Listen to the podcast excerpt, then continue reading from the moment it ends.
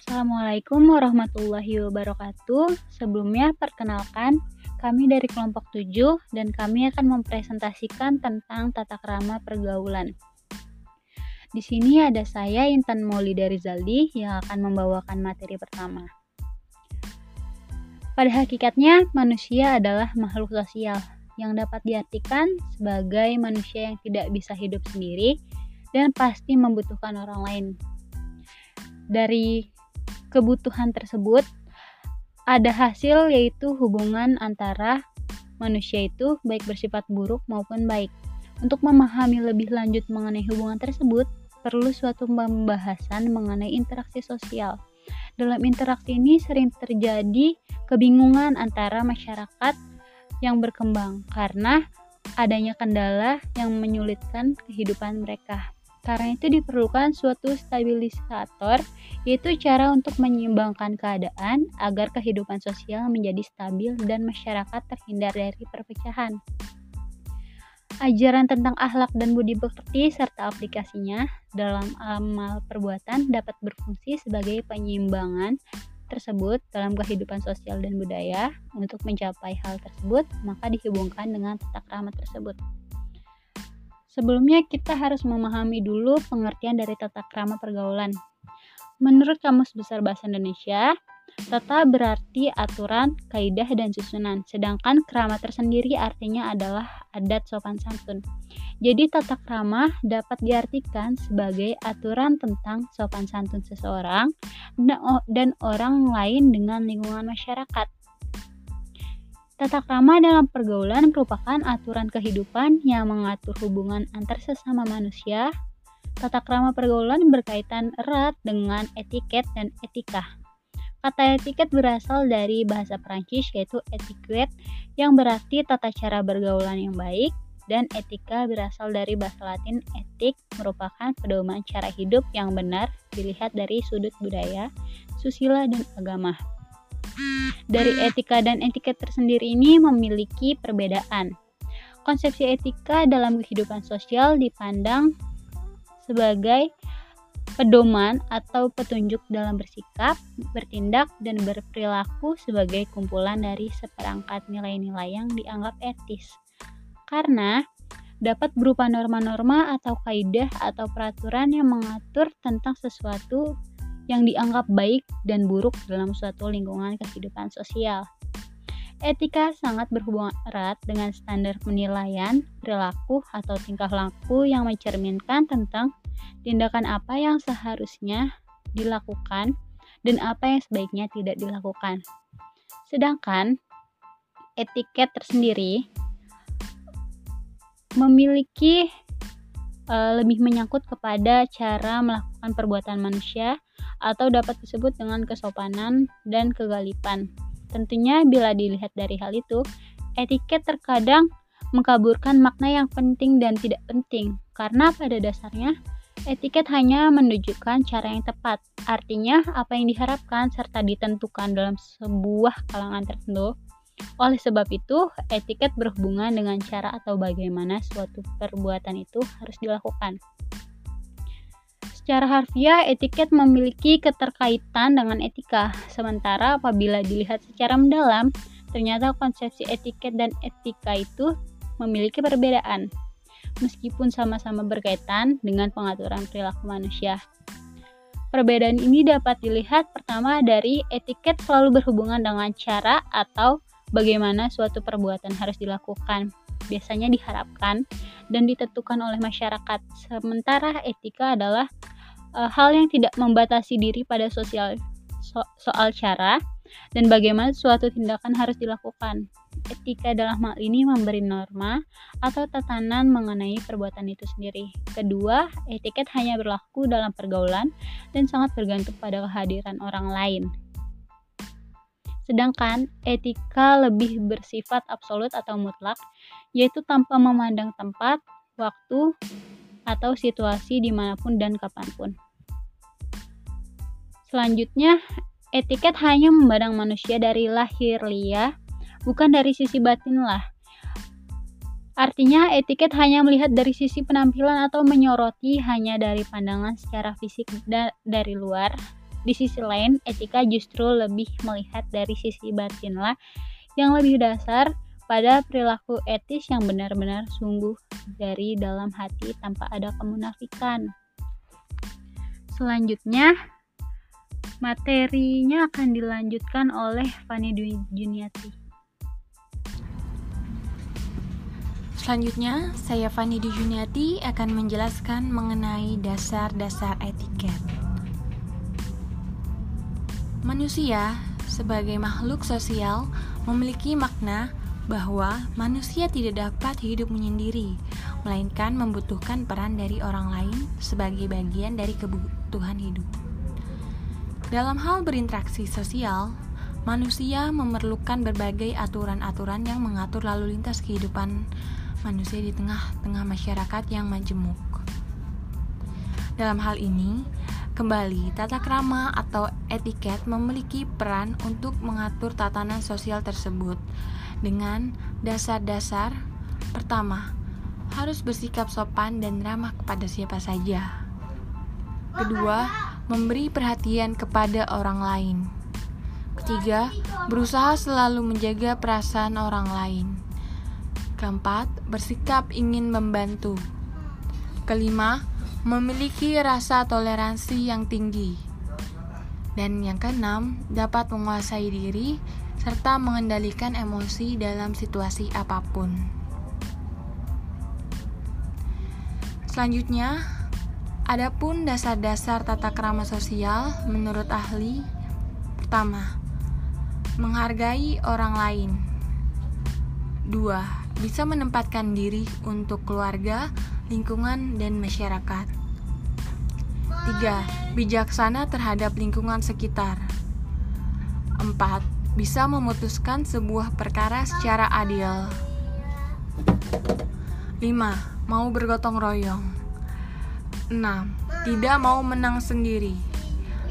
7. Memiliki rasa malu. 8. Selalu bersih hati. Pergaulan merupakan kegiatan interaksi antara seseorang dengan orang lain.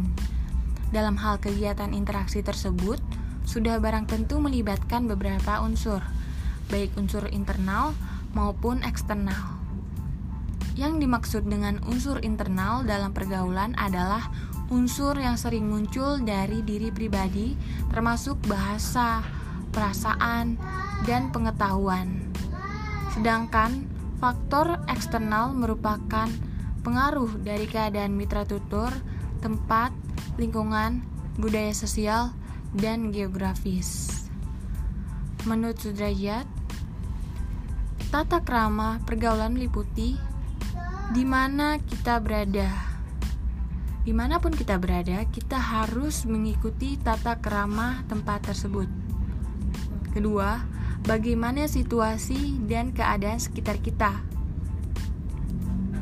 Setelah kita melihat situasi dan keadaan sekitar kita, kita tahu tata krama apa yang harus diterapkan di lingkungan tersebut dan situasi tersebut. Ketiga, siapa yang berada di hadapan kita? Contohnya, apabila kita berhadapan dengan orang tua, maka perilaku kita harus sopan dan mengikuti etiket yang ada. Kemudian, ada manfaat dari etiket. Manfaat etiket dalam kehidupan seseorang adalah pertama, membuat kita sebagai manusia menjadi disegani, dihormati, disenangi oleh orang lain. Dua, memudahkan hubungan baik dengan orang lain. Ketiga, memberikan keyakinan pada diri sendiri dalam situasi.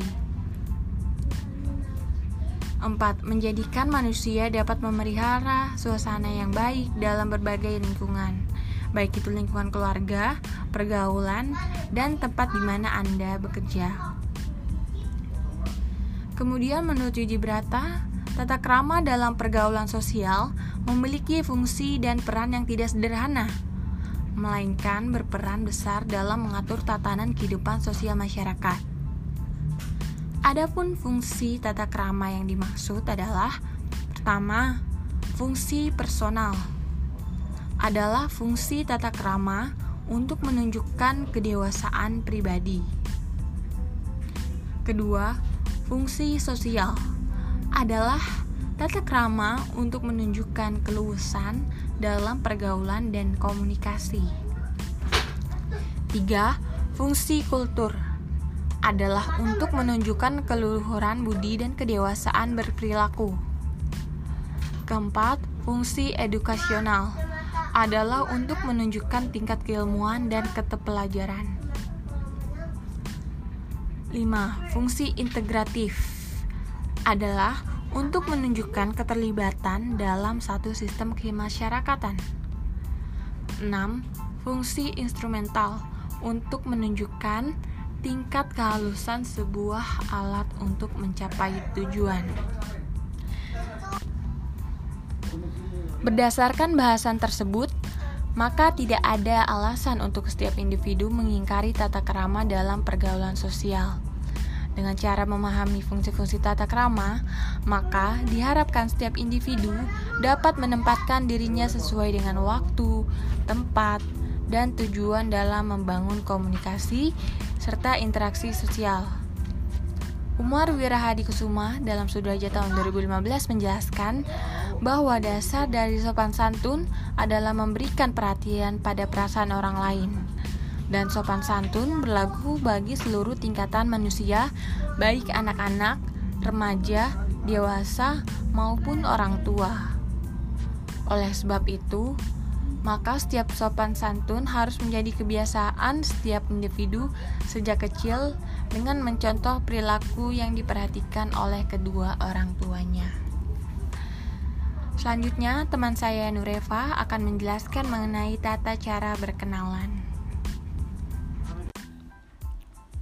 Perkenalkan nama saya Nureva Begawanita. Di sini saya akan menjelaskan materi tentang tata cara berkenalan. Memperkenalkan diri dan orang lain dalam forum resmi. Memperkenalkan diri dapat diartikan memberikan informasi atas identitas diri atau seseorang dan kualifikasi seseorang.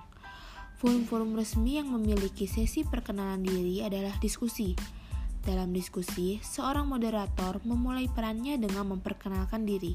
Demikian juga dengan para pembicara serta peserta yang diharapkan memperkenalkan diri sebelum mereka melakukan tugas dan kewajibannya.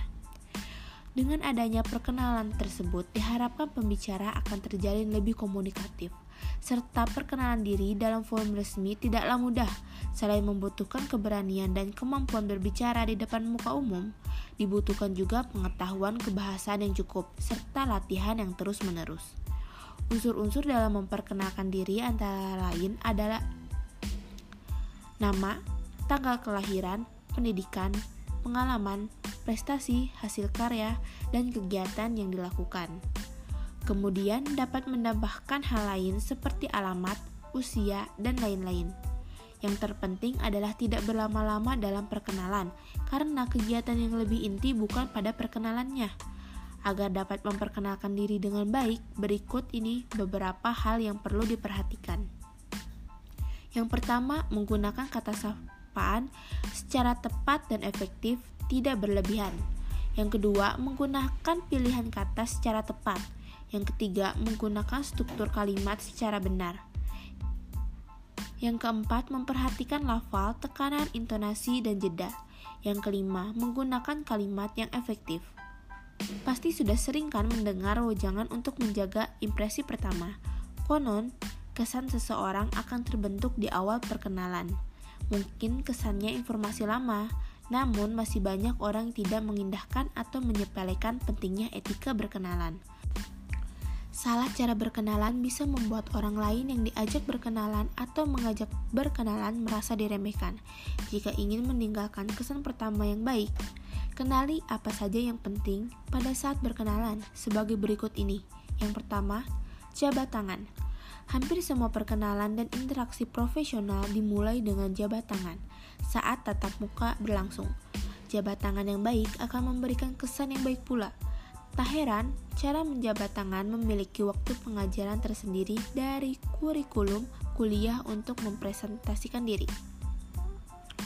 Cara-cara menjabat tangan yang salah seperti kelewat kencang, seperti ikan mati, tangan double, dan bergetar sebaiknya dihindari. Berjabat tangan sebaiknya dilakukan dengan genggaman penuh, tatapan kepada mata lawan, memberikan senyuman, dan tangan yang sedikit mengayun.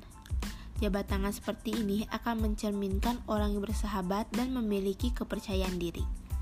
Biasanya, jabat tangan akan berlangsung sekitar 3 detik dengan 2-3 ayunan dengan tekanan genggaman secukupnya.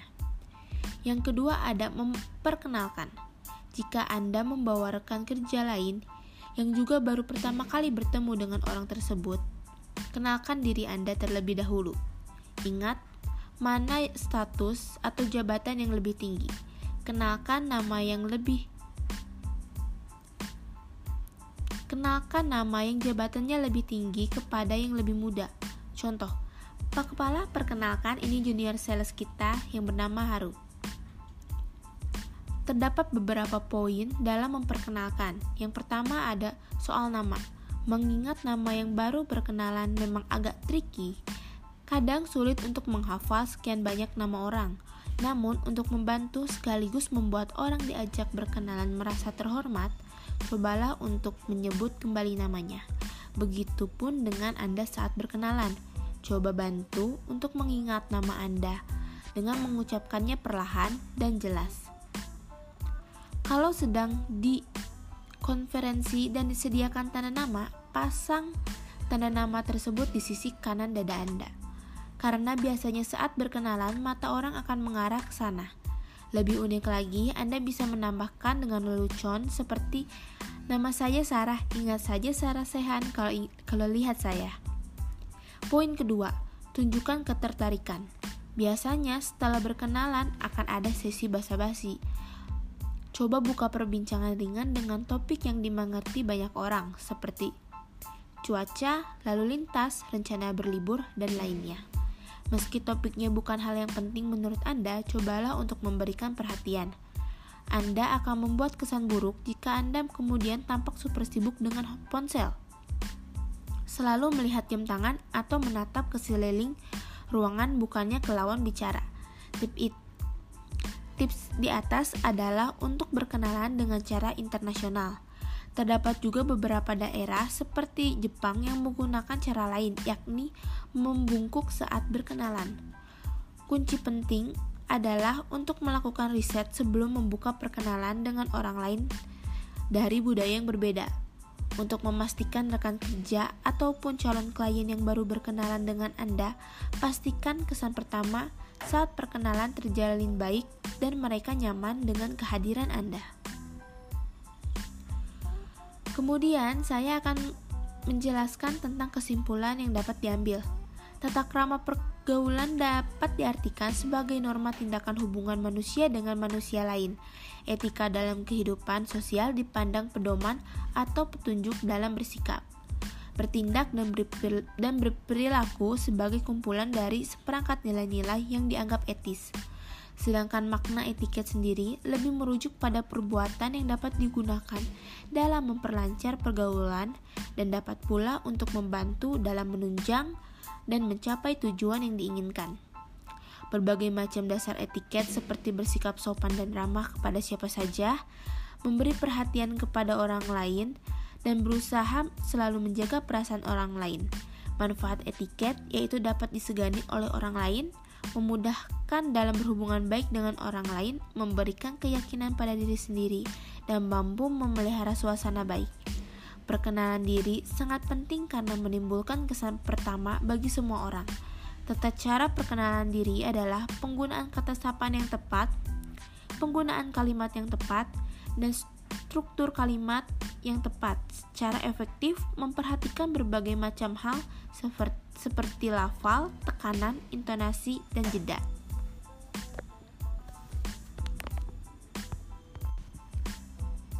Cukup sekian presentasi dari kelompok kami.